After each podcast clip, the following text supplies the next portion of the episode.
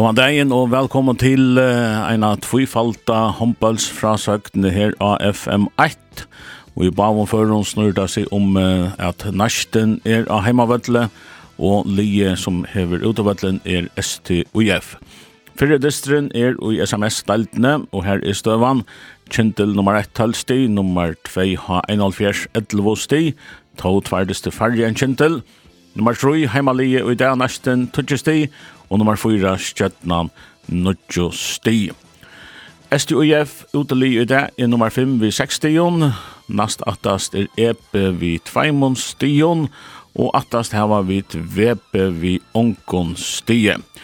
Og Sturur Hildarsson Høydal, det er kanskje særlig nek trust av utelinen STUF i det.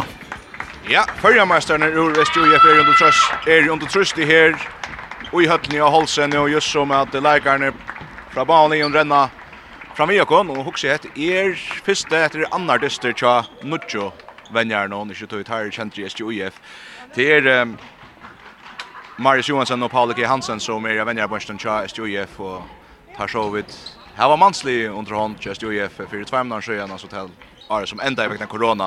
Ta våre der framvis i støvja spela sig i enda spela ta i ja, Lloyd jo var efter av grundspelen. Ta finke der flott SJF menn rættelig nek, og nå vann at han skal etnas kvinnen hon vel. Jeg husker at kvinner er, og fyrir mestan i SJF er hampeliga vel mannar her i måte. Næstan og nästan altså som uh, lykkevel fyrir at tria plåse hever tvei sti farre, men eisne ein dyst farre en kjentla fyrsta plåse, og så eit sti, men farre en heinan fjers, men ein dyst flere. Men her tatt i topp 3, og så er vi nere her uh, Just Jutten i eisne som uh, kan uh, hötta nästan tar här tar här var Atsti Farre och en dyst Farre. Och så är det UF.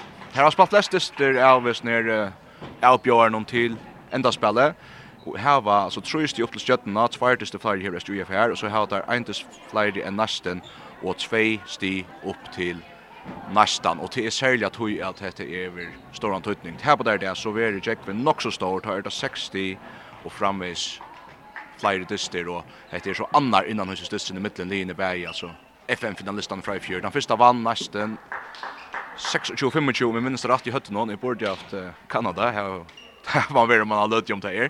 Det var en dyster som vi søtte fra, og hver ølja av har vært der Og Gjørtus tatt hoast vi hadde kjensle av nesten vi är greit om man altså var det Momoko Nakamura i Malen som stod vel för i her. Men um, da kan vi nesten på den veien så er det Øystein så att at nå er Stina Massen ensamhandler vennjare.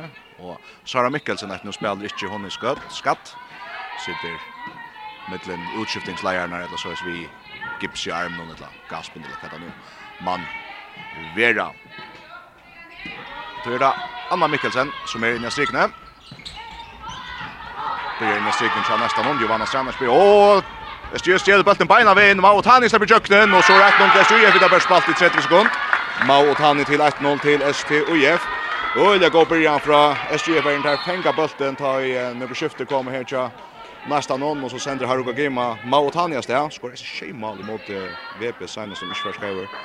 Eh en likar som ja nästan brottligast uppe i past i FN-finalen var ju Yuiko Yuika Kurimoto för att skia hon framme skatt vi hade ju där så jag med lutching slayer nästan. Så nästan, jag vill be here för att ta Lee man lite löd ta Men Lucas så något nere så börjar nå och tar gång rulle ju nu är de Moko Nakamura ständer för i mål någon. Ta i Herver Niklasen löper in av vänstra vånche till välfärd jag vånche då nästan om Herver Niklasen men må må kunna Nakamura ständer för och för last för långt rakt ner ju. Så öle går jag öle går början tja SJFR som vi var inne och hava törva Stion och i det vinna där där, få där två här där så blir det brott i öliga spännande i mittenstjärnan nästan och SJF om sig två plåsning under Kindlo Hanatjer, så vi vet av runt och nästan att två ni helt inte trick host. Det är jag vet för akkurat nu. Nu är styrer för han matlar Bergstedt där missar bulten och i Alopnon. Nästan för fram och här blir en tackling och i Östrid för går varje stöva. Så inkom Kristina Persson som blir tackla. Vi tackar nästa le. Giovanna Stenar Chimal av vänstra vänster, Herver Niklasen av vinstra backen, Nadia Pejovic av Mine, Shiva Spelis, Holbjörshöj, og høgra Batje Ingun Persson og høgra Vonje er det Rekul Magnussen og innan strikene Anna Mikkelsen. Så spela Nice agent Julia väl här Solberg på pura fru ut av vänstra patchen men en annan för Bjarkar Momoko Nakamura i mål och så får det skott hemma. Mautan Uda Vonje Rebecca Stinson i jukten till längt om för Gånger Galle kör Rebecca här är kommen och så när vi Maltan tar han färre nu och ska hoppa upp efter helt inne efter om Tajir Mining och ja hon i vis ikke att hon er atlas här nega väl bättre än heter rekar inte male. och så framvis 1-0 till SJF vi har spalt i 2 minuter och 45 sekund. Man må kunne Nakamura börjar byrja vel, og til SJUF eisene. Så då är næst, næst anna kommer i så stå Nakamura 4. Nästan ska den att göra finna några som minner om tannmölagan åter som är just från Dan. Ingo Persson stöts fram innan tackling så gång till spukt till högra bank och Nakamura vid Bjarchik och skjuter loss Möller Jamal Tani i färden. Fackra fäder på någon när och där bättre snudd i målet. Giovanna Strenna kommer ut och leper av alla bara någon träffar så han går han passar så bult när man stöcker i gulvet så trillar han spärklig i mål i arm. armalvärn för Fältron åter 2-0 till SJF. Maut han i vid banan och bäger efter Shodalov och efter att öliga samfund Shodalov Momo Konakamura vid Bjarchenko så hoxar han inte en lutta löte och tvåar han på framåt mot han som i färden ja längt först det är sats det är färden nästan bult natt då så är Sean de Puro uppe och jökten här som han ständer välja till högra backen Charles Jeff. Jeff är ordentligt haft att skipa alla ben så vi får boja sönder vi att se att det kan kurra in i akkurat. Där finns net näkrar. Och Solbjörnstøy, hon för att skora första nästa mål nu. Och till Jan Frale går Jöknen brott mitt fyra. Finta sig Jöknen i Verna Chester och Jeff och så minkar han månen till månen till 2-1. Solbjörnstøy.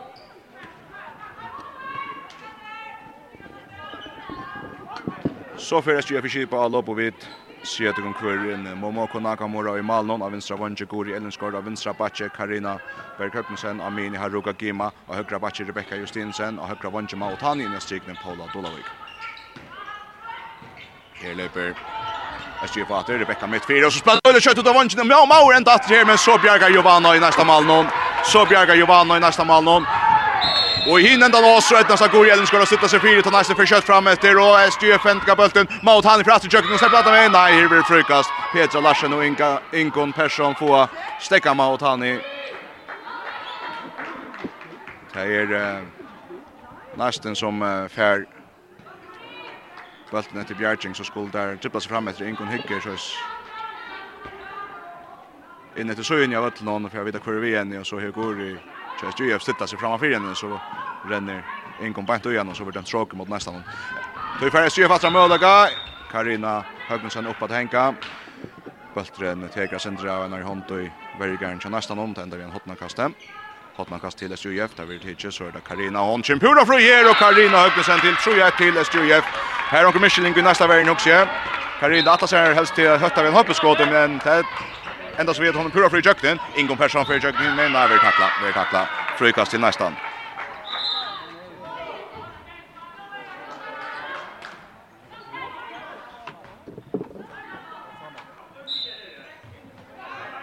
Anna Mikkelsen spelar upp av strikne. Tja. Nästan någon. Solbjørg Sjøy skiva spil, så skifter hun i Nadjut, altså Solbjørg ender ut i vinstra bakken, Nadjut midtfyrir, Nøtjen bøtt rundt høyre bakken inngående. Solbjørg atter, fra vinstra bakken midtfyrir, som brøyder ut etter, og Mastava til også der. Ver takla. Ver da Paula Dolovik som Kjemma og ta med til Jotberg for akkurat stekke seg støvnt, og så bør seg atter høyte vi at Brody Jöknen, men ett han sikkert Brody Jöknen, så här drar en skjuttar i backchatten, tja nästan och er Nadja Pejovic och han skorar ett rymmar, rymmar skåd, och tror att ränner skåd av vänstra backe och lankata i stundstå in. Momoko Nakamura är det här som hon ska vara där vid HC, men skådet sitter öjan efter, bättre mittel hött jag en ju, trykant normalt någon överst till vänster. SGF har tjall upp och Rebecca tar shot och räcker in det kör nu ut och SGF för bulten. Nej, jag ska nästan för bulten åter. Nu kan nästan föra fram Jauna. Nu kan nästan föra fram Jauna.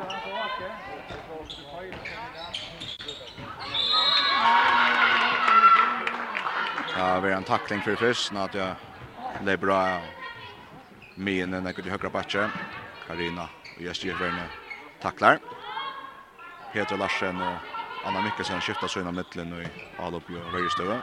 Anna in i Alup Sørre strykninger. Så Nata oppe at Henka och hon langa bulten bæta i vledgjern. Han fritjen, han fritjen och så frest i Patri Alup annars framförande skott men ett han inte för in och så gängt det så kött och i alla de chans ju efter Röna får bollen in och strikta men bollen oj så över nästan för bollen åter så blir det fram efter Inkon gå av för fram efter om man har vunnit Herver nej jag ska Rakuler då och högra vunnit Herver vinner vunnit släpp Rakuler i jöknen och så för nästan och skipa alla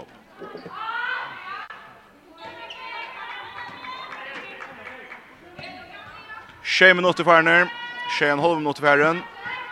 Nästan i Alben, nästan Atlas här Jauna, här är Troy Tveitlers, UF, nästan här. Och då högra back, sen Sinde Laser, nästan fram åter.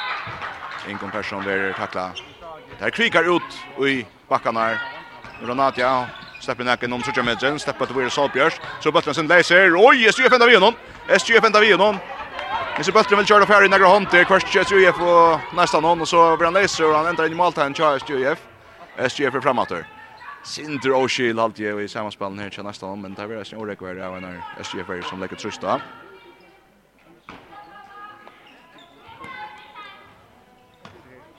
SGF i Albjatter. Har råkat glömma skiva spela kvar till vänster till Perino så kämpas lite högt till Rebecca. Kör skift här. Paula gör till streken. Rebecca upp mitt fyra upp och hänga på i blotchen, tar vi hotna kastar Stuje. Anna Mikkelsen och Nadja Pevic mitt fyra på Bjärgavel. SGF rönnar åter. Rebecca ut av vanchen till högre mot han och kan måla här. Lengt av mina. Lever Haruka av vänstra backe ut av vänstra van Guri spukt till köknen. Och skorar. Oh, skorar enorm Jovanno. Jovanna Ira sen näka så ett läs nu också. Inte jag var möda för skära mer men tätt näst. Så Guri Ellenskort vid sin första mål i det. Och så är 4-2 till SJF. Men han lägger jämt då att han mot Asana. Och till nära om Malverner som har högslagluten här bredvid. vi. Og John Luttan i seg at Shipa Alup Chan nestan er sinte meira høttan i Jøkkenbrødden. Men jeg ser for så eisen skåra tvei mal flere til er årsaka at Sveimon vel avgrød en kjødal og fram av Tani. Maria Nalsa er kommet inn at til fyrir Natio, så er Maria Vinstrabacci Solbjørs til Høykrabatje. Spelta ut av Høykrab bak til Inkona, og tråk vi mot igjen, og så er bøtten og lenger fram til Mautani, og så er Britsi Kjødal og hesper.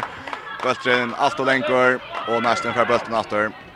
Salbjørst av mine, Ingon og høyre batje, så kommer der inn mot verden. Salbjørst midt fire, høyre inn mot strikene, bøtteren leser, og så fra det atter kjøtt og lov. Heser sitter han sinne bedre alltid, har Ruka skal hitja, hever han leikar ass her, og så lever hun av, og han vil takla.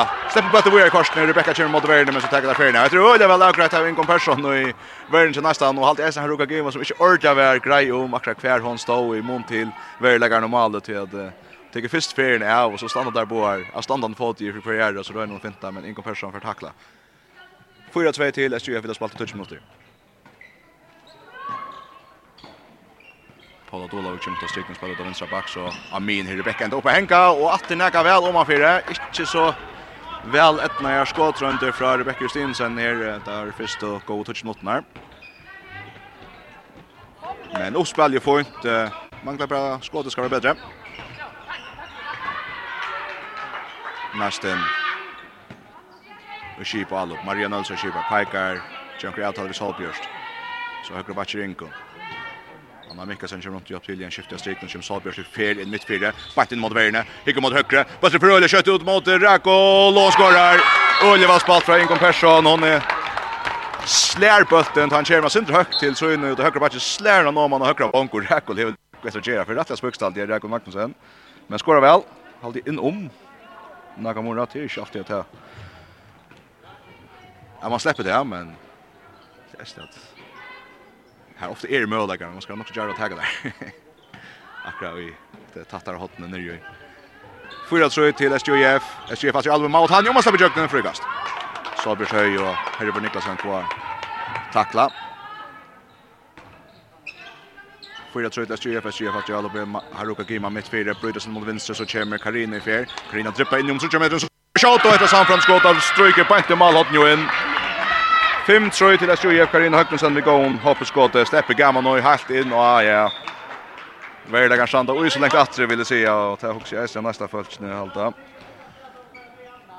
Släpper dribblen ju tror jag och så upp och hänka och så Majovana nästan välja så ju. Karina Sedran väl och sina tattar så ju helt upp i målet nu. 5-3 till Jojef. Västjö som alltså rönner efter Jag skapar spänning om 3 och fjärde platser och så har vi topp fyra igen. Här skjuter han nästan och har en fjärde skjut eller några framåt fyra. Vinner sig för det så skulle Berg nästan och skjuter han segla hitcha centra Tromsø.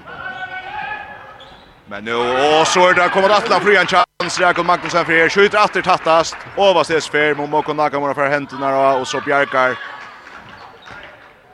Så Bjarkar stundemalveren till SJF ända någon frujun skåte.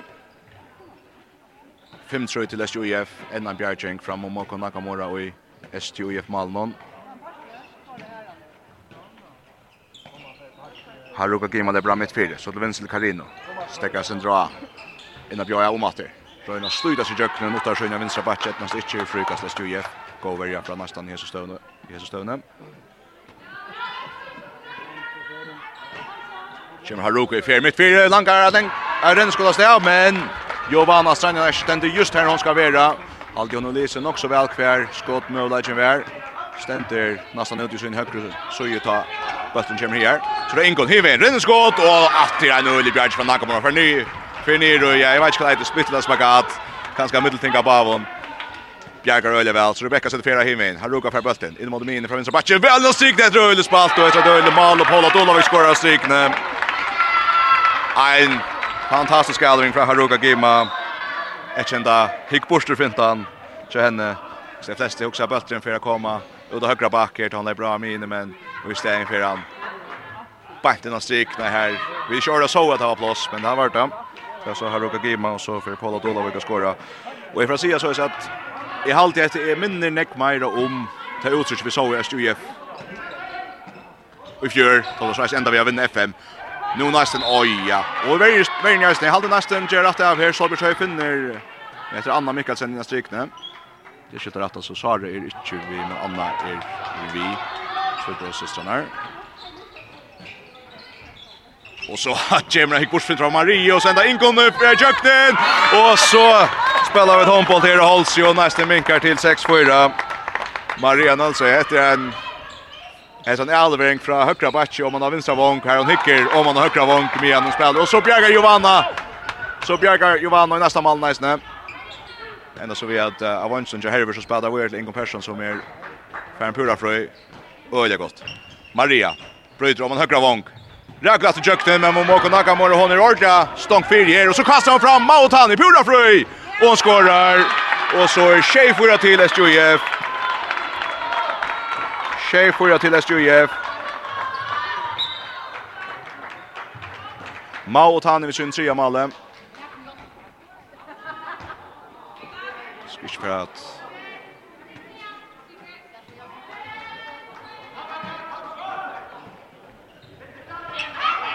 Så lever nästan här. Oj! Okej, okay, här är han stöd som inte ordentligt grejer om kvänt, men det enda vi är styr för bulten, SG för bulten. Haruka om att Maut han tacklar för nu. Alltså det som händer är att um, Harry Nicholson att sig jökna vänstra vänche. Och bulten är liksom slien ur hånden, ja, en eller så men domaren ser till lollet är då som tänkte säga. Kvadrat och inte och sjönde grejer och sämre i mitten. Fjäppra fjällt när boar. Tjej fyra till SJF. Vi har spalt nu. Spalt jag kvarter eller så aldrig. Ja.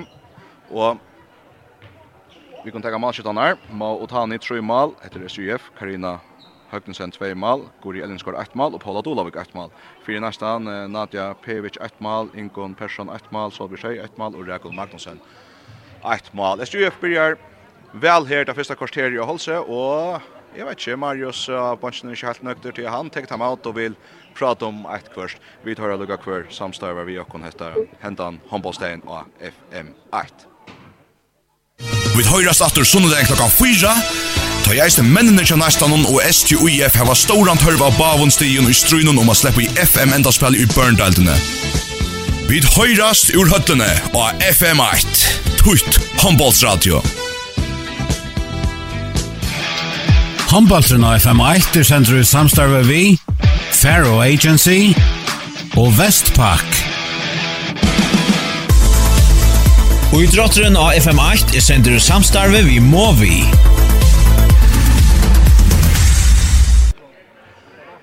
Time out i Elio, det styrer for å prate om tingene, og termene har pratet om at det skal hinka dem opp at det bedre til her er STF, er 8, 24, her i Høtten i Holsby mot nästa någon. Målen är kanske att jag tror i kjøttaløpene kommer Mao og Tani, annars er det leika nok så jant og av og selja. Det er sanns løtene er det av Olvera Ferri at leika Shota ja, vi like för ni alltså. SJF det är bra. Haruka Gima vänstra backe. Høtti, tripplar, og så bare leser, neste peran, neste peran. Det er kjødlås med leitje, det kaster ikke, det kaster ikke. Det er kanskje helt ikke greier, men det er ikke omkran, vi synes når han er råp og det er spøttet skal fram. Lugga med ikke. Nesten jo alle på inngånd, helt gåa ferien etter, men så køyrer SGF i anvær. Her fotas her, fyrir etter fyrir, hoas, det halte skiftene og skiftene tja, nesten er i gå, og her råda først til høyre, så til venstre, og så til høyre og atter, og alla tøyna klarar SJF att föra fyra att ner. nere. Frukast till nästan. Chef fyra till SJF. 16 och håller mot färre. Nu är alltid helt det var så gäller fyra. Nästan akkurat att släppa ta sig syndrom tingen.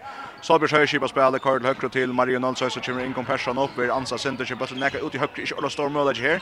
Inkon hugger sig syndrom på sen Sabers alltså till högre. För fyra sen bollen någon. Maria för bulten ja. Trippla in mot vägen. Finner Sabers efter. Öja cross så man högre vank och så där Jöknen frita. Fram i. Fram i. Vi har krossat helt øylet, öliga spök som skjuter reisene av høyre hånd, av høyre vondtje, bøtter fyrir fram i, og så vi går i himmel. Haruka, roka, ut av høyre vond, här är Becky Jöknen och Jovanna Stanjanac vid samfrande Bjergjeng, men hva ända da vi? Oi, etter vel Bjerga, nei! Og bøtter jag är halta. Etter øylet, etter øylet tøyborst, men det enda som vi at SGF er bulten efter.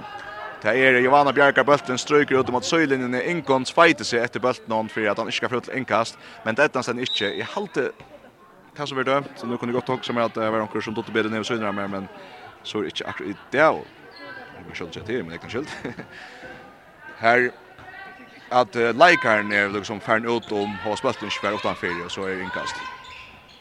Går i Ellinskar för tjökna vinstra. Vantje Giovanna Bjergar lofta bulten. Her kjøs mørs, men hun færer ikke ut. Ser for tatt i trøtjen. Hun færer slepp bulten, og så færer Gammel i kjøtt. Og så skoer det korsene. Frita Holm Jakobsen, Mikk Owen, Malia og Høkra Vantje.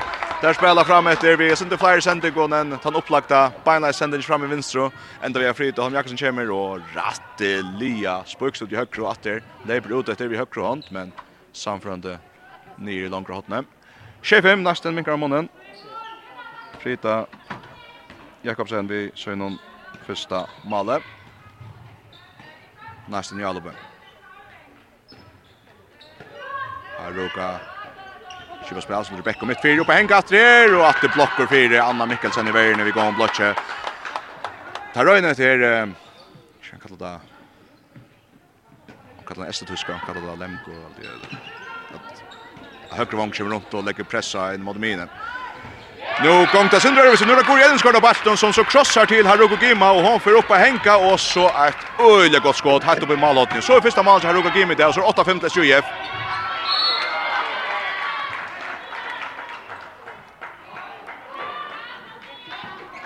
Här råkar German kommer igång att han har vid spalt i knappar. Nu i minuter skruva till 8-5. Jag har haft också gott upplägg korsne men släpper snäck till skott Hon vill ansar väl att till han kivas det. Nästan ju aldrig bjatter att han försöker mallen här att nu i minuter. Och ett väl spalt den segern där för Ackersfädra men till frukast till nästa Maria så är att finna Anno Anno Mikkelsen. Astrikne.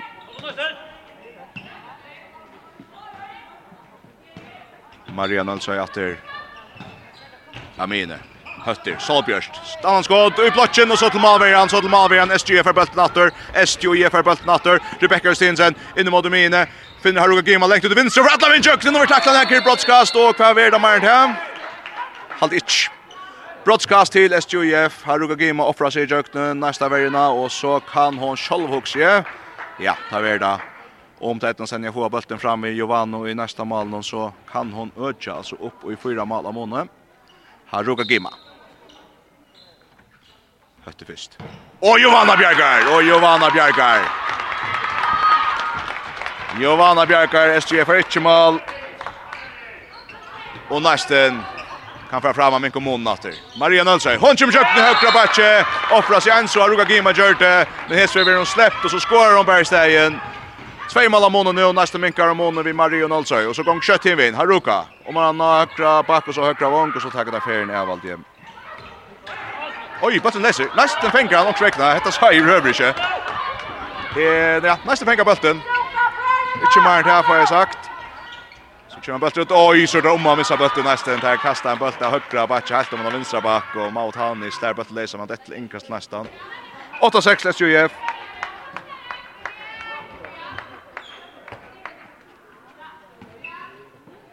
Maria alltså uh, vi jökna brott i högra backe och så är han av en kvar årsök så vi bulten läser i SJF all upp någon nästa kan men kan ni ett mål av Så blir sig upp och hänga och ett rymmarskott, ett rymmarskott. Touchar sig i jöknen. La fram i Vergaren och SJF. Och så langar han bult upp i målåtne. Salberg säger vi gång skott och så rätt mål av månen. Nästa vinkar månen och så vinkar det bult efter. Det går helt gälje så fall upp någon. Så fräder fram nästa så fräder finkar skjuter upp någon. Haha, Thomas Skinai. Här ska inte vara utan att STF när att varje stöv och nästa för i allop. Åtta tjej till SJF. Nästan kan föra fram en jauna nu. Vär en stöva här.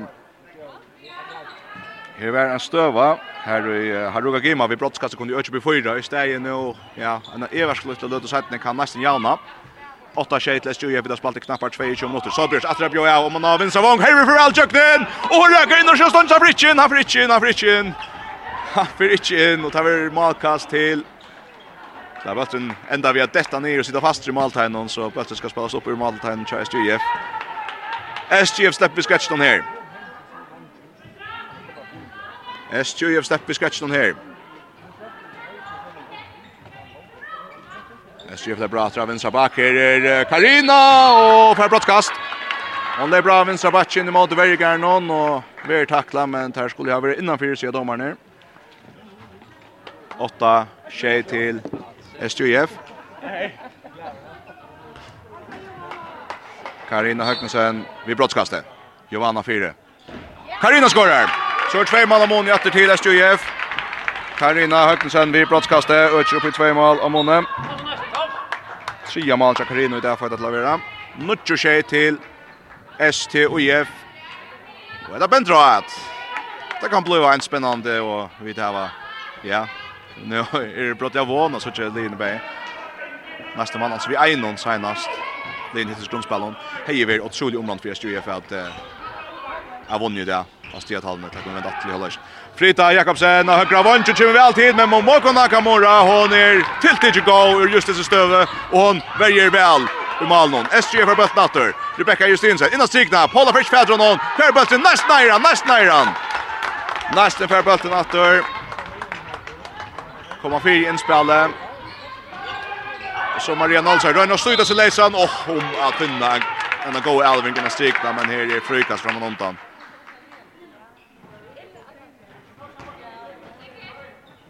Nuttjo tjej til STOF. Nästan i Alebe, vi har spalt i 23 minutter og 45 sekund.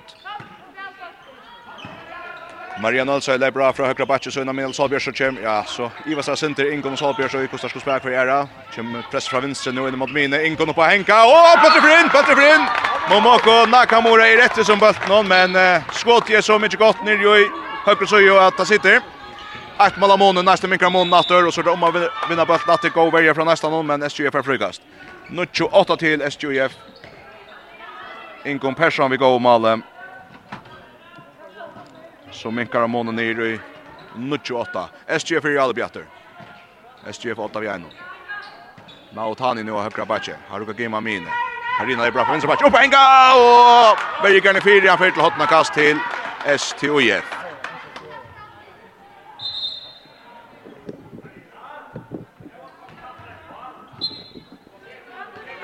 Prøv kom tattar på kan er endegeva venjan til Østjø4. Mautani, han er sinne plass her, og han skal fra sjål, han ender ved spillet, man har vant, så kommer nesten i midtlen, og så for Frita, nei, han får penga i første, og så for Salbjørs, men under kjøkkenen, og så i anlegger Nucci Nucci, nesten, skårer til Nucci Nucci ved Salbjørsøy, godt shot all opp, første om han har høyre vank, og Esi Frita, nesten skal fra kjøkkenen, hun er nekk bedre eier for hva hendren er, og spiller bølten inn midt for her Salbjørsøy, fenger han ved Einar i hånd, og flyr i kjøkkenen i sommerrørslo. Nuccio Nuccio i mitten nästan och SJF. SJF som har haft månen händan och är så fyra halvlek nu. har vi knappar fem minuter efter fyra halvlek. Karina Björn för SJF. Nu går Grölle väl i nästa värne. Petra och Nadja i min världen kör nästan på att tackla. Så det har Ruka Gima och man har vinstra vång. Gori. Hon är jökne. Nå Jovanna Bjarkar, Jovanna Bjarkar. Nästa vi fram. Nu kunde det lägga sig åtta. Solbjörn trippla bulten fram. Ivas ölet ja. Hon han rätt och slatt och näck fet. Och så är Möller Kivein. Han rukker Kivein fremst. Ellers inte gå. Hon fänger någon korsne och så skårer han til. Tutsi nutsi till SJF. Bulten sitter och is og frammalliga i og Hon ska toucha sig høyt efter bulten. Och så kör hon också spukst, og man nesten, ja, lena sig in i maltaien, nu fotlar för. men fär lagt bulten fram i Giovanni i malen og korsene. Og så krøst, kjøttelupstå i mål, til Kotskov og Møller Kivein i første jætle. Tutsi Nuccio til SJF. Vel er greit. Oi, så de har missa bøtt atter. Derfor har fenga bøtt atter i nesten. Nei! Der missa bøtten. Ja, i halte Solbjørs enda vi har tveida bøtten atter om seg, og bileggeren kommer ikke av han, og så er for dem sjolv om han og fenga bøtten atter. Jeg halte ikke noe lov til det. Kjenns det som ett så ölja väl att läsa akkurat men vi kunde stäffa att SJF äger bulten och så kan SJF åter föra fram och döda upp i två mål av månaden. Skifter nekvatter fram i stösten så er det styr för backa upp en gång. Aj så missar bulten, så missar bulten och missar sin där bulten i håndene. Ingo för hiven. Hikkert högre. Här Petra, Petra Larsen och så är alla gratter. Tutsi, tutsi, i midten där som är styr.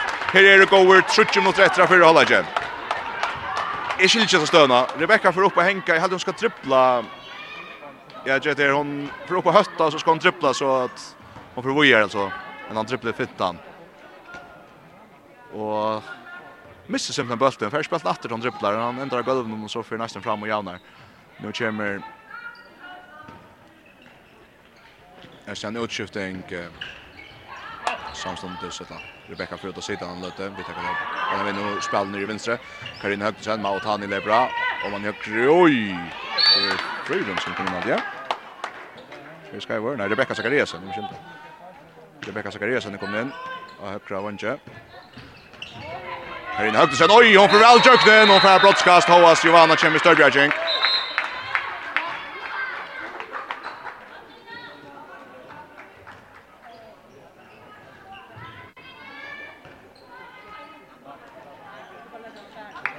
Karina tek sjálv, hon fer sjálv av vinstra backe så ver hon tackla och hon som kommer fria skott och Giovanna Störbjärging men uh, det var väl inte flytt skott så Karina släpper ta broadcast nu ur pura fria stöva och hon skorar.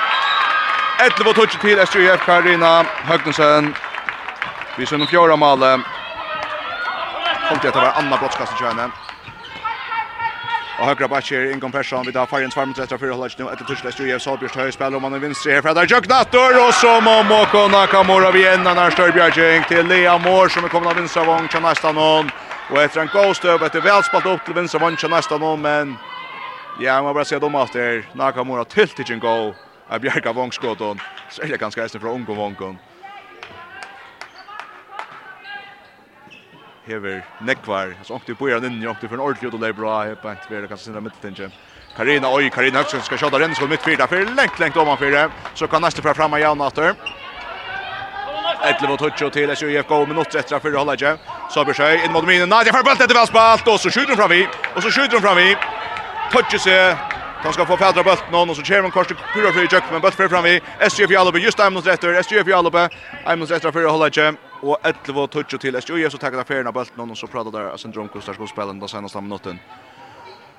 Går igen ska vänstra vånge till Karin och Högnes och vänstra backe har Roga Gema Amine Ma och Tanja högra backe och högra vånge Rebecca Zakariasen in i strikne Paula Dolavik. Karina det bra mitt fyra och man till Mao så efter bulten missar fären eller så här. Så kommer det väl i Vinsson och så är det 20 i två minuter. 12 touch vi går i det ett röle valt sett upp. Gori i Elmsgård kommer fru i mitten vank och back och så och så förlorar den Jökni för att pura fritt skott och ja. Nej, så effekten som det sen vi har Ruko Gimma som hon har just avtalna vi. 12 touch till 20 15 sekunder etter. Nästa färd på chansen av högra vanje och Momoko Nakamura Bjerkar. Nästa färd på att det är plats i vänster. Det för Leo i där över tackla och skorar Korsne.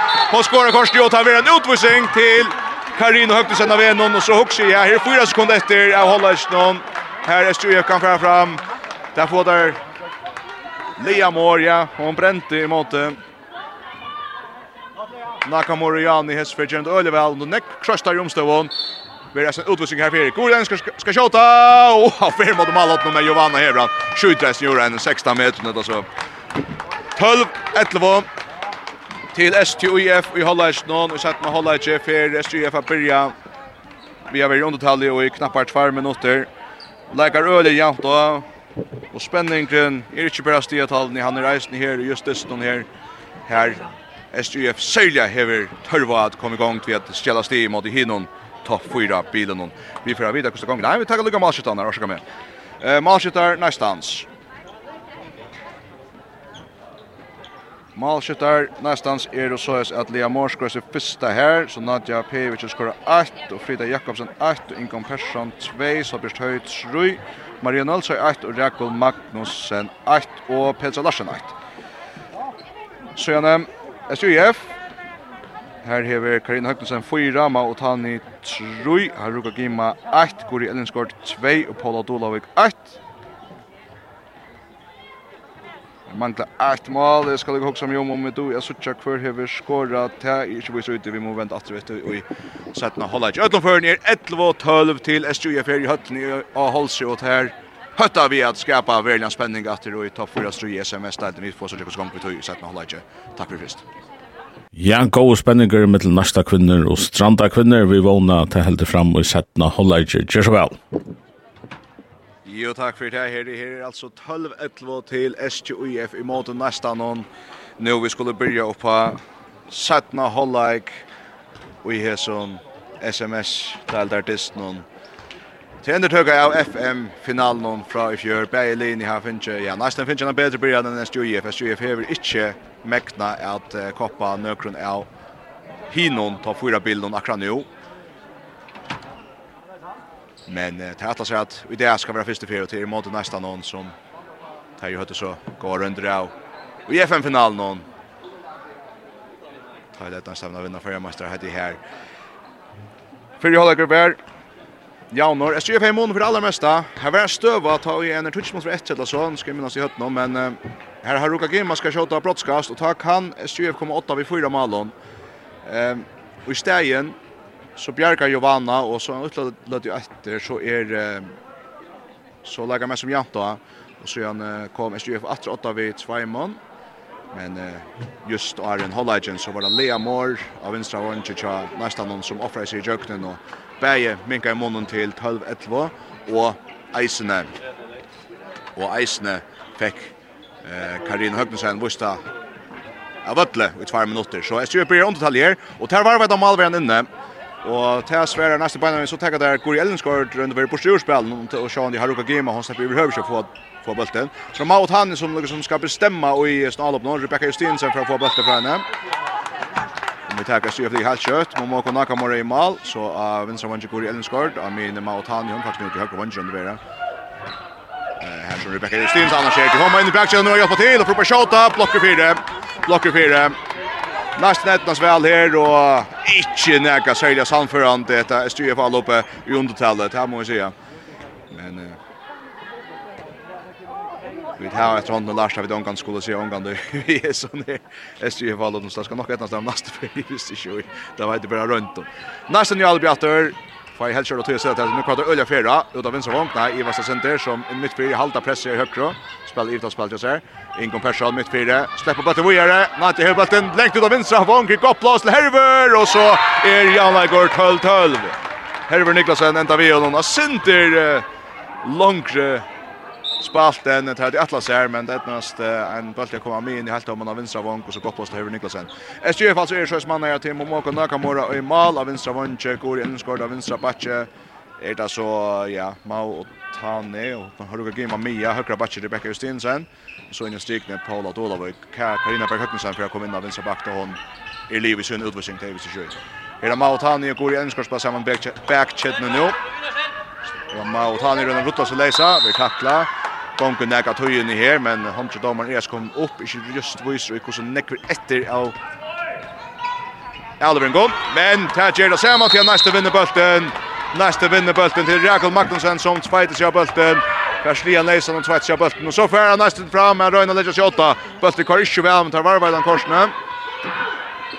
SGF er fullmanna, så 12-12 mittlenst nästan nu är jag för det spalt ut farmus och sätta hålla jag. Nästan man så ser sätta hålla jag till Johanna Sadinac i mål av vänstra vänster Herver Niklasen av vänstra backen Nadja Pevic av min Solberg och högra backen Ingon Persson och högra vänster Rakel Magnussen och nu för vänstra backen Nadja Pevic och fra Chairman midfieldet Sakar alltså ju med linjen och så uppe Henk och så langar han bulten i mål. Nästan 8 13 12 i mål från Nadja Pevic och så kvar kött här i Stjef tar affärerna bulten och korsne.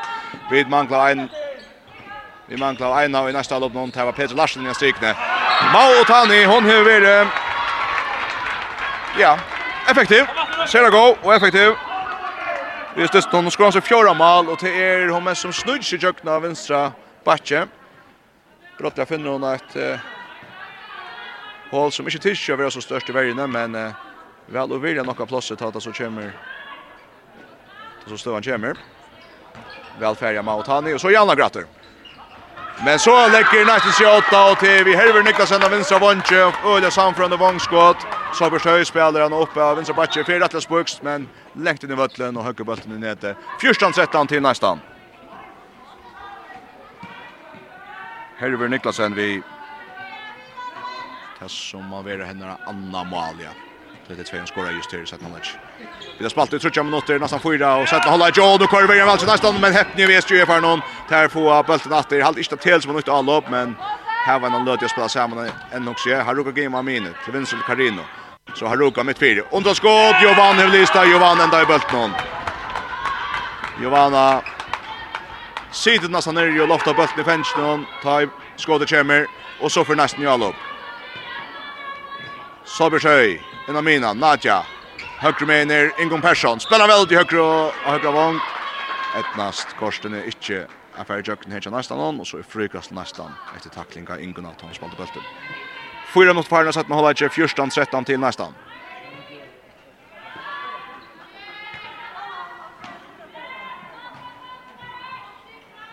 Ingon Persson högra backe till Mina Nadjo. Trossar Ingon. SGF var han kommer också högt ut att möta dem och så släpper in nice så tänker SGF på att Rebecca ända vid någon och så tvärlar kött fram så tvärlar kött fram Bötter och längre till Mao och ett iskokast Bulten och längre och Olavor så hoppas att hon kom till taxi efter någon så färdig Fjadsson när han skulle in i måltagen Och så i stället är det Rakel Magnusson vi går och går och vångskott i högra vånche. Fralik, fralik mål. Och fintar Nakamura fra Longkru, så höcker hon bulten upp i na nästa hotne. 15-13 till nästan. Jakol Magnussen vi goal mål här. 5 minuter kvar nu. Sättna hålla inte nästan och i åtta stöv efter att har för månen för hålla inte. Och Giovanna helt fram i nästa mål någon. Karina får upp shot av vänster backen. Giovanna i ronka trubblar bulten så får bulten fram till Nadja för bulten fram tripplar blir tackla frukast till nästan går vi stå från Paul Paul Dolavik. Eller rätt? Nej, han kommer ut.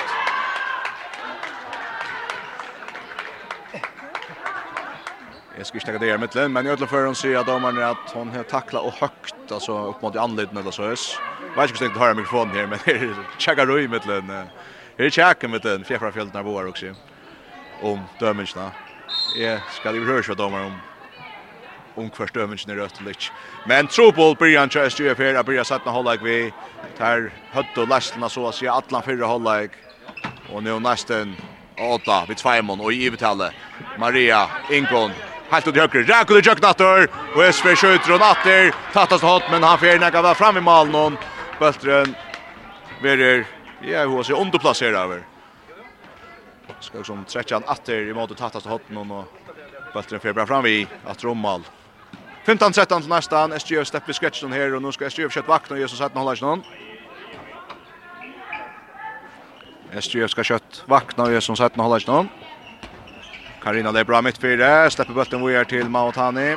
Haruka är nere i högra vånju till Eiran. till här kan inte slå mansvart. Här är en ton som inne backchatta. Karina det är bra att det Röna slutar sig kökten sina tackling. Och det kostar en utvisning till nästa någon.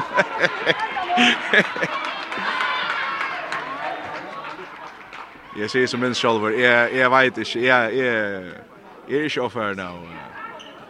Jag kommer döpt och ta mest åtta till ratten. dömt. Så till allt jag ser om det. Så Bäline vi utvisning. SG över full manna om knappa minut. Nästan två. Karina Lebra, Avins Så Svena Mina, Haruka Gima, Högra back till Mautani. Vojare och högra vång till Rebecca. Rebecca Zachariasen. Vi går om Alia högra vång till högra Harst Harston efter upp i långra målhåll. Tropelstöva kör ni runt över hon touches in i målet efter bulten om och så här hon inte går omstöver att få gott skott där men ett gott skott här då. Och så är ett Malamoni åter SDF minkar ner i 15-14. 15-14 till nästa nästa att jag uppe spelar ut att spela ja men för första tiden nästan för tycker helt inte mal vi än upp och undertalsstöv eller så eller tar du över nu är det gamla nu Luka Neck var så som säger att här trycker på sig 5 mot 5 spel. Tätna sig snä. Så nu bröder där jökna mitt fyra och så vidare brottskast. Brottskast nästa Maria Nilsson tar i Momoko Nakamura och Nakamura bjärkar i stormstöle.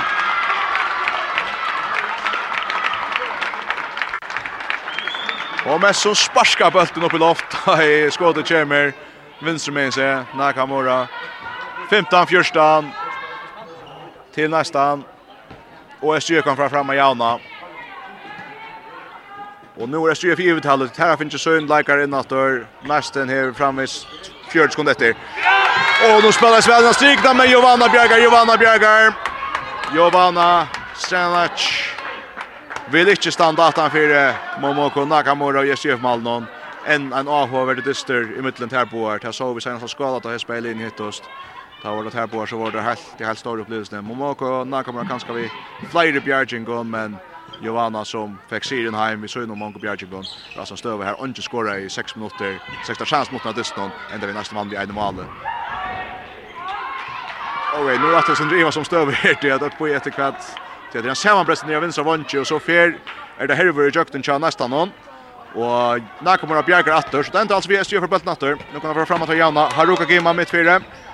Karina, som er smitt, Åh, en sveide bøtten, bant i pencha en nesta leggara til herver som kom inn. Jo snukt seg atter i stå. Maria Nølsen, det er bra fra vinstra bæsje nestan. Nadja, oppfra. Rimbarskott, Rimbarskott. 16-14 nestan, Nadja Pevic. För hålla att det för nästan kommer i Erbilge in i måte i fer och så uppe hänga just som hon trackar och stippla och trutja med linjerna alltså nu meter från Malmö och så Onge Verigar röker upp till henne så börjar han berättar kvar Malvin fer så sätter hon hinner med in. Vägersmal 16-14 till nästan SGF att Jalbe, Karina, ut högre. Bulten gånger kjølja vel. Til Esen tja SGF til Haruga Gima vil ansa ölja vel. Nu släpper han åter högra backen. Karina och Johan den datter bulten. Hon vill hjälpa av Nadju Miverne. Och nästa för framåt och nästa för framåt.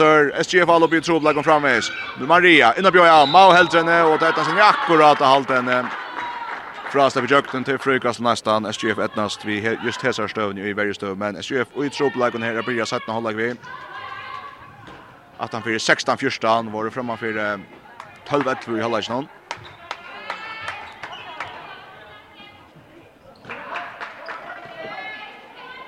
Touch mot farna satt na hålla 16-14 til nästa. Nästen hever tidsjum endan så tutsch minutnar. Efter at SGF har läst för hålla jag. Nästa att jag Bjer, Maria Nölsö Björra mitt fyra. Om man stäva till och för tackla sin sent ganska. Nej, Fryka tar det där en tackling. Där skedde där en tackling. Och att den stöva här. Hickar då efter SGF bunchen så fick nästa om sig efter en god tackling. Och nästa bankare säger att det ska vara hårt tackla. Ända vi går i en score själv för att inte ilt i stövene. Hon får spela vidare. Hon spelar vidare. 16, 14 til nästan toucha home minuter för nu så att man håller ju nästan att Jalbe Solberg kör sina platser så gång på bättre så strilt jobbar högra vång som har rönat mitt fyra Nadja längt om den vänstra vång. Fäller jag ner till Herber in och strik där matchen köper fram. Ett annars ölja väl uppfunne, men ett av så en stryk det hin med en. Och Giovanna att vi en öljer Bjergink. Giovanna vi öljer Bjergink. Paula Dolova kvar bästa strykene. Ett så var spalt i Shadowlob och Charles UF. En new sending fram till Paula Dolova i mitten flyer nästa läggare. Men Giovanna hon är hurra flickvande och över vunnit målvärdesten. Här i sjätte hållet. Hentan Aubera av Haverda, Malverdesten i mitten Nakamura i SGF Malmö och Giovanna i Och så måste ju om. Momoko Nakamura i sig för Malmö och Jovan Sanjanac i nästa Malmö. Så beskjøy det bra her. Frustrika spiller om en hakker om korsene, og Momoko at vi er en rødgjær bjergjeng. Rækola tar loppa bulten, men SJF bara för flikkvann av foton, og så opp og fenga bulten. Så leper SJF av i kjøtlaga, mot han innan på ja, god takling, god takling. Och så tar SJF ta out. Och jag hade ganska tid och så sent att det är färdigt gjort detta men jag vet inte Alla för att alla som inte kors öliga väl här där första ja kvar är vid och nu vi har spalt igen ett tal mot det sätt med hålla och SJF alltså bara för två mål i så lötna Det vill säga att Hållagstövan som var 12-11 till SJF hon vänt till 16-14 till nästan. Eh, låt oss gå och lycka fratta centrum kvar Henry där och kvar samstarv vi och så skulle det gå upp checka matchen här. Takk. Vi høyrast atur sunnudag klokka 4. Ta jeg eiste mennene til næstanon og STUIF hava stóran tørva av bavonstien i strunen om a slippe i FM-endaspell i Burndaldene. Vi høyrast ur høttene av FM1. Tutt håndbollsradio. Håndbollsradio FM1 er sender i samstarve vi, Faro Agency og Vestpak. Og i drotteren av FM8 er sender samstarve vi må vi.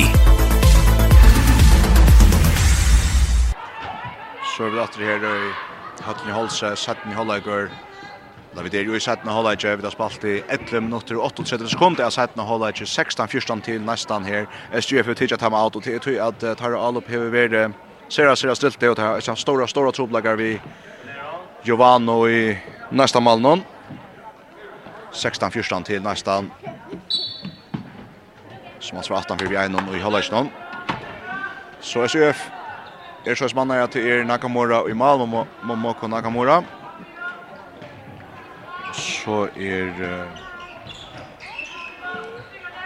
Ja, det har tagit 18 till nu för jag all upp styr för nu. Vi har tackat Korsne. Alltså Momoko Nakamura i mål av en som vann ju går igen skor av en Sabachi Haruka Gema Amine Karina Bi Högnsen och högra Batche Maotani och högra Vanji Rebecca Zakariasen jag stigna Paula Dolavik. Och så spelar att det väl till Gori Elmsgård. Och efter det kan vi se Safir, Gori renner Ronald om Vanchen och i mitten Vanko back och så kommer de pura fröj och skorar samförande.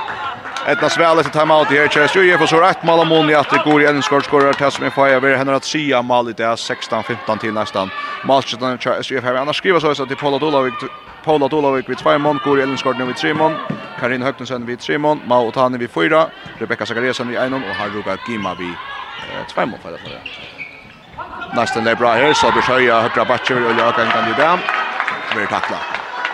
Nästan är så att Giovanna Strandnac i mål av vänstra vänster Herber Niklasen av vinstra backe Maria Nilsøy, av mine Nadja Pejovic, av høyre backe Sobrishøy, av høyre vanje Rakel Magnussen, og strykning Petra Larsen. Och nu får Petra spalten och vänsar väl och skorar. Väl spalt från Nadjo in till Petro. Och så är Seja 15 nästan. Och så vinner nästan. Nej, okej. Okay. Här är frukast läst SJF just där. En tackling av Haruko Gima och så centrum bulten i läsa luft och nästan för Pedro men det är den frukast där. Seja 15 till nästan. 13 mot Farnas 17 hålla jam. SGF Jalobjatter. Så jag mål här till sen slutna. Väl köpt spalt. Här rukar Kim Olavins fram. Går i för spökst. Giovanna Bjerkar, Giovanna Bjerkar. Stinker nevarna i loft och den som ett här. Roliga gå i det. Giovanna Stranjanac. Sejan 15 framvis nästa. Och Maria för Jökne. Nej, när sina stunds bättre förut och tända via en inkast till SJF. SJF för bulten. Välfärja Mario Nolsson men skottet sitter 1 millimeter och långt ut i stundsne. Men så stryker han ut, helter den inn. Bølteren.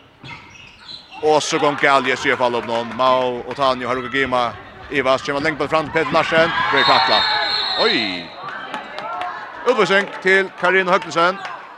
Peter Larsen fengar bølten og så verer hon fort i rytsen han litt av Og igjen rønt og takla vil levera vi, men ikke løft. Her er så Sandrøy. 16-15 til nästan vid 16 mot rätter och nu är nästan i övertal åter och det här är tackst jävligt tro på tja SGF och är som stöd om att här är undermanna här. Nu är det Marian Olsson vi rimmar rimmar hoppar skott med fyra. Malberg ner efter bulten men Färkhilt ju nöte och så skorar Maria till som får över henne andra mål i det. 8-15 till nästan. 8-15 till nästan. og SG er fyrir allopp.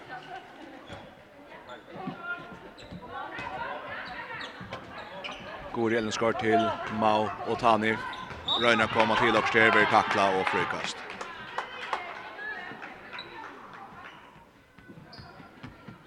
Frikast av strikning med fire. Har Ruka Gima veri mannsvart. Det er en kvarfart der omtale i ångtida sinne Maren Theisne. Frikast. Rebecca Zakariasen ska nu leva med ett fyra. Iva så öde går i en skort. Sindemann samfran in i måte, men ikke orka vinner höttan som så. Gori, Røyna kommer til å till Rebecca under Björra med fyra röna krossar han stigna bøtten, leser frukas läs ju. Det frukas läs ju. Hanjo damar uppe och ska hämta här går en går Ellenskors sin hoppskotte och til blocker för det vi vid hotnakaste och det bästa tygnet för Tavchest ju efter att jeg vet stäcka där stöjen tror det ser chefen är så mycket sen efter spelet. Det är där får att hitta så där klockan så att där bara har en halv minut efter så när utrustning. Det är inte snabbt så skorar. Där vill gå i andra skott på inte fäncha någon Nästa läkare i världen, men här släpper inte kött i all upp i första jättelå. Så kommer det Erbridge, oj! Så knäpper bötten där med hånden. Bötten rätt och slatt trillar ur hånden så Nadjit han ska ta en evast efter kvar. Bötten ska sändas. Bultren her ho har livas näktan löv i støven, Ja. Han flytter bare rundt nu för ut. Så skjut som att han flytter hånd på näka. Ajan, 15 framvis till nästan og så gång heldig ikke vel til Chelsea. Jeg vet ikke om det er just spelten som gallen. Vi vet hade en vi är styr fullmanna her, Här skulle det være fäktna rom. Nå kunne det så röjna minka näka månen. Atlan fyrir Ajan 15 her. Vi har för fyrsta mot etter. Atlan för hålla kvar styr på manna. Sett han lägger just över sig. Nu är det Haruka gima, og man viser vong vångt går i. Bulten Atraminen Carino. Han så domaren upp. Tar det bra mitt fyra. Som Haruka. Näka mitt fyra istället. Fintas i jakten. Under ner. Och fram i. Och fram i. Och fram i. Och skjuter fram i. Och så fjärde SGF helt i Kemal i Hesestövene. 18-15 till nästan. 13 och en halver minut efter att någon och där konkurrerar väl så nästan ner. Här tar folk guys Oliver för att höras nu och nu så vi det så smått nästa men och SUF men just är klara till det som är en spännande distri här bæje av Bøtlund og Stiathalvene. Hesen, Distrin kan enda vi at Stiathalvan blir minne spennande. SGF har tørva stien om her skulle høtta, topp fyra strøye. Etnast det ikke, så er det fyra sti 18-4 nestan, og verre innan hos 16. Stjøtnan eisen nega framanfyrir, trøy sti og endis minne.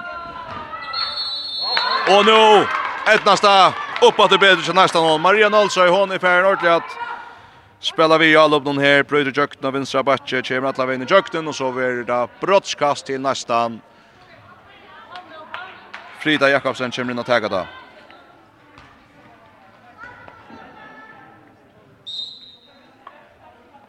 Skorar! Skorar tryggt. Anna Malic av Frito och med Fajda rätt skriva ner. 9-15 nästan, 9-15 nästan. SGFS finner fyra mål hesar 16 minutter og 45 sekundene av Setna Hollage. Næsten skåra 8. Nu er 15 til næsten nisse løtene. Så har Ruka Gima inn i måte, triplar, ølefer, men bøtte sin leser. SGF er natter, SGF er natter.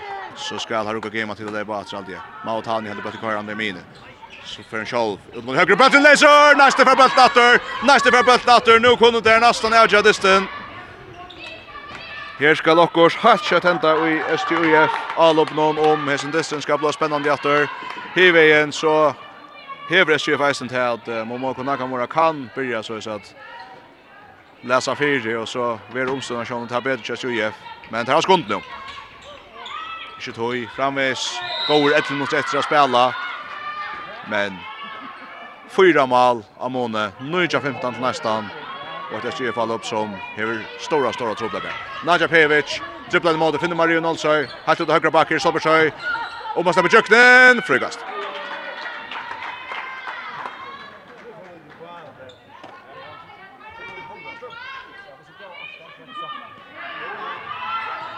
Marian Nolsøy, det er bra her. Krossar Nacho. Plötsligt läser. Det skjuter en fyra. Det nei, nej. Maria ända vid honom i neste lopp nå. Maria per tvetse i fyra. Häppna synder vi nästan här halte till Karina Chais som hur första hotet spelt nu men hon tvätts akkurat längt eller så. Först till spelt till så det Maria som ländrar honom.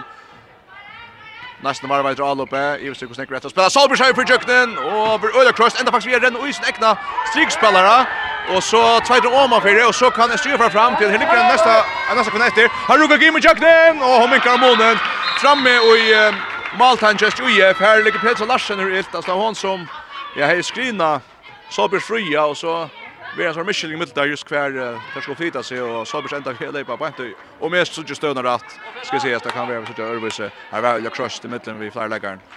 Men Peter Larsen tog bättre fot och natter. Men han står som häpnast väl tja SJF ända vid nu bäst i Malamoni efter. SJF ganska av var efter nu. Nu är 16 till nästan vi det här går touch mot rätt att spela.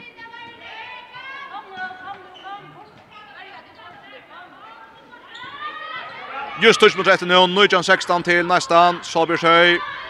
Spelade Maria Dahlsson, nu har de möttar Öle högt här, backar ner till nästan någon på Salbjörstå och Maria. Och ett nästan med att tackla, så frykas till nästan någon åter. Kommer där in att Traverja, så flyttar sig fram till Natja för in strik när spela. Och färs bött ner, och Nakamura vid Störbjörging! Momoko Nakamura vid Störbjörging, hade han sett frallespalten nästan någon. Shit Sherlock kvätt Natja att sina strik men hon fick bollen så på till sön och så skjuter om en Störbjörging fram av någon. Så det Karina här sindra plosset tar inte av och skallen kanske helt inte som för någon och SJ för fram i alla batter. Och nu händer kanske just det här som är vad jag kunde hända.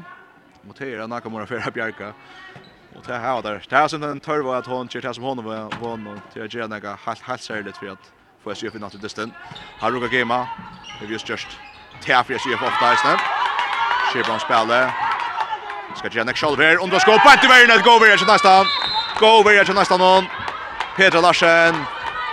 Fær slie fyrir bulten, ta omtrand skott kjemmer og nesten endrar bulten. Så kjem Solbergsøy, goa fyrir her, innan bjói av, innan strikna, bulten leiser, Petra enda vi och malkast. Hon entrer maltegnom Petra, øyla krøstøva, øyla åsemja, og Askra Fjöld igen denna affär om kvadrat och inte. Karino på Henka och hotna kast Verda. Och Giovanna är hurra samförd om men för inte samförd. Domar om att hon ska häva strafa bulten Arna för ut. Hon vill vara via nästa ska skaja Malkas hem tar vi alltså hotna kast SJF och tar vi stitch på den vägen tog att nu teker SJF Verda bäst första timeout tja Sari Holsen. Halt det där Lucas Fairford. Där har ett timeout efter. Vi tog för nog så där skulle kanske vara så shot efter såna. Jag vet inte. Halt det andra satt hålla inte så tog det kanske inte för hålla inte eh och tal så ser det vart det senaste. Nu är 16 till eh Nästan SJF har bulten, SJF är i uppe men SJF har bulten när 8 minuter så att jag får koppen som till så annars eh, renner nästan upp att de här rundarna stiga halvne. Vi höra Luka för hjälpbrocken att säga från idag.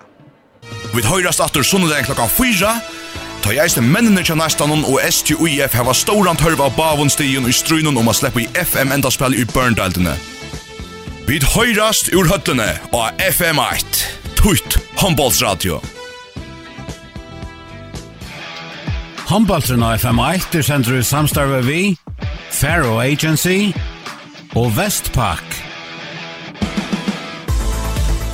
Og idrotteren av FM8 er sender i samstarve vi Movi.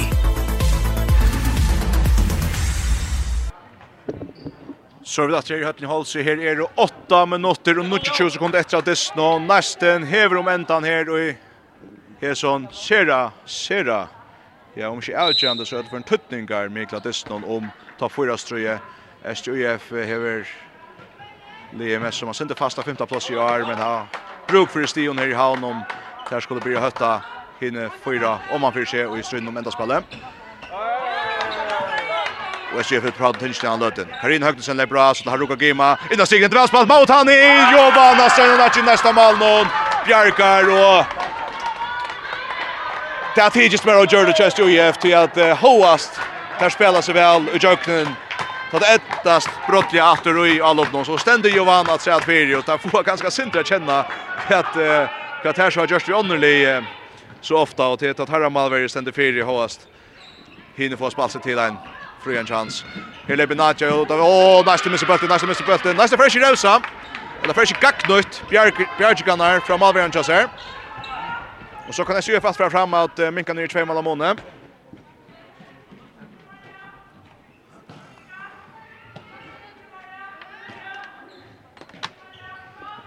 Nujjan 16 til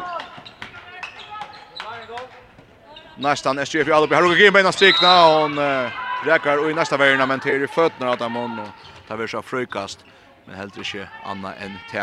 Och är det två är det i SMS-ställt nu till i banan för dem. Ta fyra mot er. Ja, han som vi har kallat nu bort 2. Stjärnan och Epe spelar i och Bebio Chintel spelar i varje. Nu Kjeve spenningen kanskje inn i enda dysten her i Holse. Karina Høgnesen flyr vel i jøkna høkra, Batje, for Atlan Veien Skårer at rom, Jovano Sejanac. Og så er Nuja Sejan til nestan, SGF har minka vid tvei med mal nu, nå er tvei mal av måne, og her er framvis Hollivor kjente minutter etter å spela. Nuja Sejan til nestan.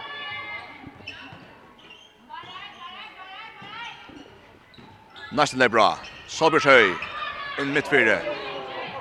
Boja Sunde, Marie er der, Solbergs atter. Ivar Størøy, det er ikke håndkjøtt dommer nesten opp. Skal komme nok skifter, Solbergs. Krossel Marie og Maria. Maria. Dribblar inn mot høyre, högre, innan strikna, Petra Ferran och från venstre, brottskast, brottskast nesten. Hetter och otroliga valspalt av og inn til Petra, Bultren, uh, Vero Tvartir, uh, så är Petra har nekk vettere å gjøre, men hun färs takt til av veien, og Bultren med Tvartir så är nekk nekka bortsen från Petro och jag strikna, men Petra Larsen är så det ena som kan få Petra och någon. Det gör nästan vänster, brottskast, Frida Jakobsen teker, skorar! 20 sejan nästan 6 minuter efter. 20 sejan till nästan 6 minuter efter. SJF att Jalobe. Det är framme tog chest ju för att vänta dess nu men nu skulle det ett nästan en sväl där gjorde undan för nål. Och sen draftar. Haruka Gima. Vi tacklas inte. Släpper bötten Carino. Och då högra bonker Rebecca Zachariasen. Så vinner Sebastian Haruka Gima till Pekka Zakariasen åter. En till högre. Kör han av vänsterback här Roger Gimma för in mot Mine. Vi ansar allt och Nej, så Karina att jag kan högra. Åh, hon skorar Karina högra backen så att han inte köpte så räkar stunsta på tre fritch in att han griper patch om Alvenon och så för han in. Han är hejer för en annars 20 och Jan till nästan. SJF har varit spännande än. SJF i två med skott och mål härifrån. Karina Högtensen. Nästan Jalobe. Nästan ser inte så öl tempo. Det här var Eisne om ända nu bäst 5 minuter efter framför vid Tvärmon. Och så teker Stina Massen timeout. Just som klockan säger 25 i halvtid nära att hälsa att hon häver timeout efter ta och i så så då släpper bästa brukar att timeout innan för sans 5 minuter av dess. Och hon brukar så att nu häver ett efter. Det ser häver om jag lite stönar att ungen timeout efter det har brukt bäge till som det har hur sätt hon lunch. Og jeg som mest helt er uh, Anna som henter reisene. Vi sørger alt dømes at uh, at man toucher minutter i vaje er 3-3 i mellom VP og Kjentil, om jeg sa det rett, ja. Uh, ikke helt vois og ikke støen er i mellom EP og Skjøttene, men uh, da får vi det i valgst av vita settene. Det er bare klokkan 3, her så blir det klokkan 2, tog er her framme i fyrre halvleitjen, nå vi kommer til dista endan her og holde seg. Og jeg er sånn avbra spennende det når man stiger taler ned om FM enda spølene. SGF hever stora, stora tørva stigen i dag. Annars enda der vi er fyra stig at han fyrir nestan, og eisen var innan huset som der så settene i kappen sin skuld til til til fyra stigen i after, så er det rundt over fem det skulle hava. Vi må flere nesten. Alta Germaning, de må se til hvis jeg røvde for nekv. Men nu att han nästan gäller Leo till Rakel Magnussen kommer i jökna högra vantje och tar väl av möjliga någon och skjuter bollen i mitten på en Charles Jeff Malvera någon. 21 av Jan till nästan. Rakel Magnussen. Vi går mål i högra vantje. Så styr fatter. Emmy Kassi jökna vinstra vantje och hon skorar väl hon skorar väl. Tvei mål av mål i 21 Jan, spänning grön varvar. 4 minutter, 15 sekunder etter er. Nøytjan, 21. Jeg sier at man kan gjøre 21 Nøytjan.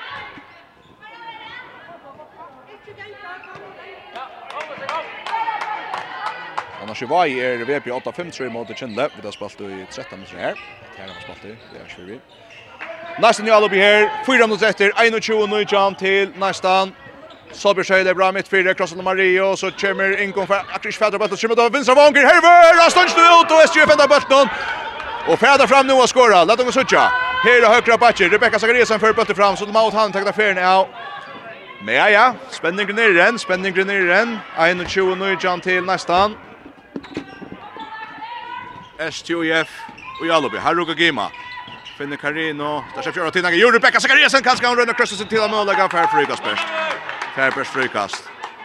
Nu bjöd jag ut i högra vantje vet, en liten möjlighet, men Herver Nikolsen fär tackla korsne. 21 nu John till nästan SGF i Albe vid hava gått så kommer efter att spela.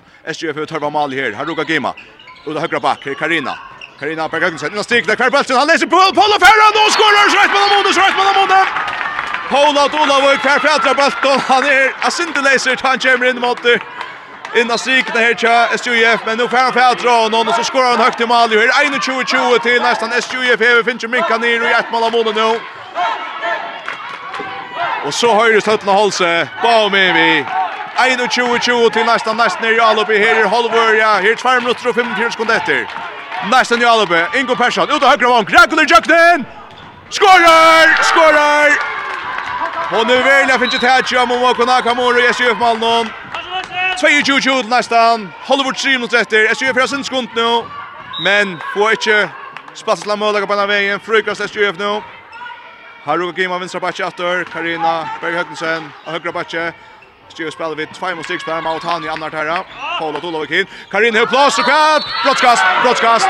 Och det är på stöva. Nästa folk vill jag ha. Det ska vara ett tråk.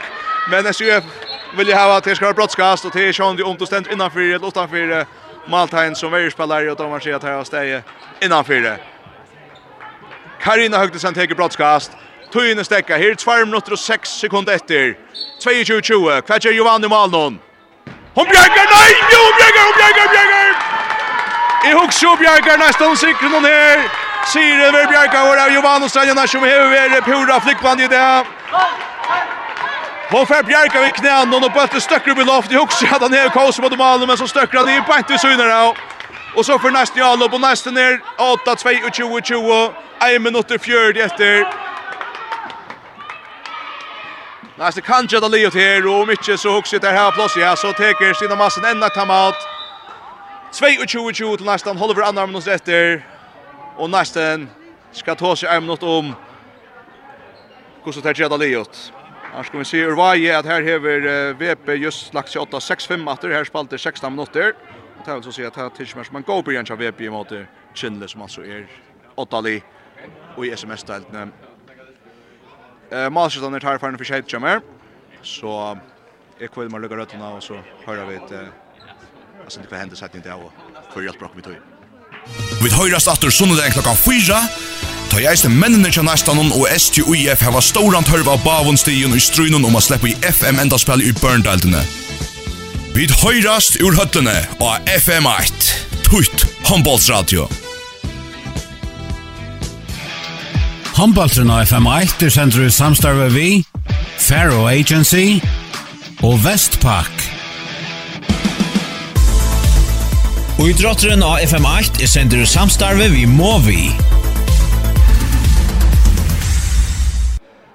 Så er vi datter til Seinans og Løtnar av Dysten i SMS-delt i møtten Næstan og SJU. Fyrir holder hver andre minutter etter 22-20 til Næstan. Johanna Strenac, Mundur Bjerga. Syren heim eller kvæt. Nästa ska skeda Leo till Maria Nilsson. Fram med Jökten och så skorar hon till 3-2-2. Här är Persson går om mot efter och sätter mot Vera. Ända Leo Jören här vi har se. Har sig skällt att det är Sean det spändes den lever.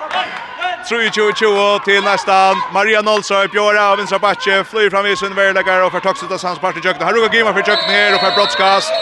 Och det kostar Eisten utvisning till nästan så Her Ja, det kostar så en utvisning så inte helt livet än men för det första ska Haruka Gima skora mot Jovan Sanjanas men Jovan har på enda möjlighet att ja, komma i utskriften jag hur säga. Haruka Gima höster skorar. Skorar. Mikramonen till 23-21, her er en knappe minutt etter, fjørde sekund, nesten James er goa, goa, stundir, så vi hadde byttet en skund av seg senter. 45 sekund etter, 23-21 til Nästa, nästa. SGF stjäl bulten. SGF stjäl bulten. Så för Karina Toskan sig högre. Nästa tills vi komma plats och så missar där bulten. Salbjörn kör i mitten där Ivas SGF är kvar ska färra och Salbjörn kör nästan fär. Sätt sig för jag kommer i mitten. Ja. Där har vi inte tid jag här och så kör han så till var upp här. Nu nästa i alloppe. Räkoli. Och så missar där bulten nästa. Är det framme 20 sekunder efter. SG för olja skont nu här men det får oss attra mål där men här attra för vid två mån här per 14 sekunder efter nu. Kim nästa till vänster. Har Ruka Gimo där bra. Ska fatta en shoulder som för frikast. Och för frikast. Så blir sig Kim i fyra. Så för inte ett nästa styr heter skulle skjuta och man för till Liot. Nästen vinner 23-21. Efter att SGUF hejum endan i förra hållet. SJF är ju väntan i fyra hålla inte. Hade möjligheten komma åt av i fyra ta en löt då men Johanna Strenars bjärga i tar brottskastet och så nu att det här mot distar ända ta i SJF skulle minka ner ett mål vi går till efter klockan så står Johanna åter fyra och så så han fäktas den ökt upp i 2 och 3 mål och Hoast som det hörte här var några möjliga chans ju i fattra minka så tog där så inte är och ta var det som inte krossat så mycket Niklas Skont man kunde inte hej sig gå att höja att huxa sig mer om att visst men här vill det vara nästa här våra synder man närlagt där i stöven. Det är en eh vad ska jag säga? Det är smiter för spänningen i SMS-deltarna. Så att nu är det så här att Næsten kommer på 12 sti, og er av Dalton. Fyrsta plass vi Kentel som just nu har lagt sig åtta i varje Av fyrsta sinnen her, spalta kvarter her, 26 til Kintel. Um, SJF, her er Støvan Tropol. Nu har det spalt noe dyster, heltene av grunnspillene. Her er bare 60, Og det er altså kom mot EP og VP. Men settes atter nå, vi har vinnat særst sti mot hinnon, topp 4 bilen. någon er, är man framanfyrir vid Simon Stion og Simon Diston Farri av fjärde plats någon Det ska gå kött just ju för här skulle bli vinna mot Ötlund hint av förra linjen och kött om om det ska ett nästa komma åter. Jag tror för en kommer stäffa att att för en kommer stäffa att ta ett näst inte timon ut där.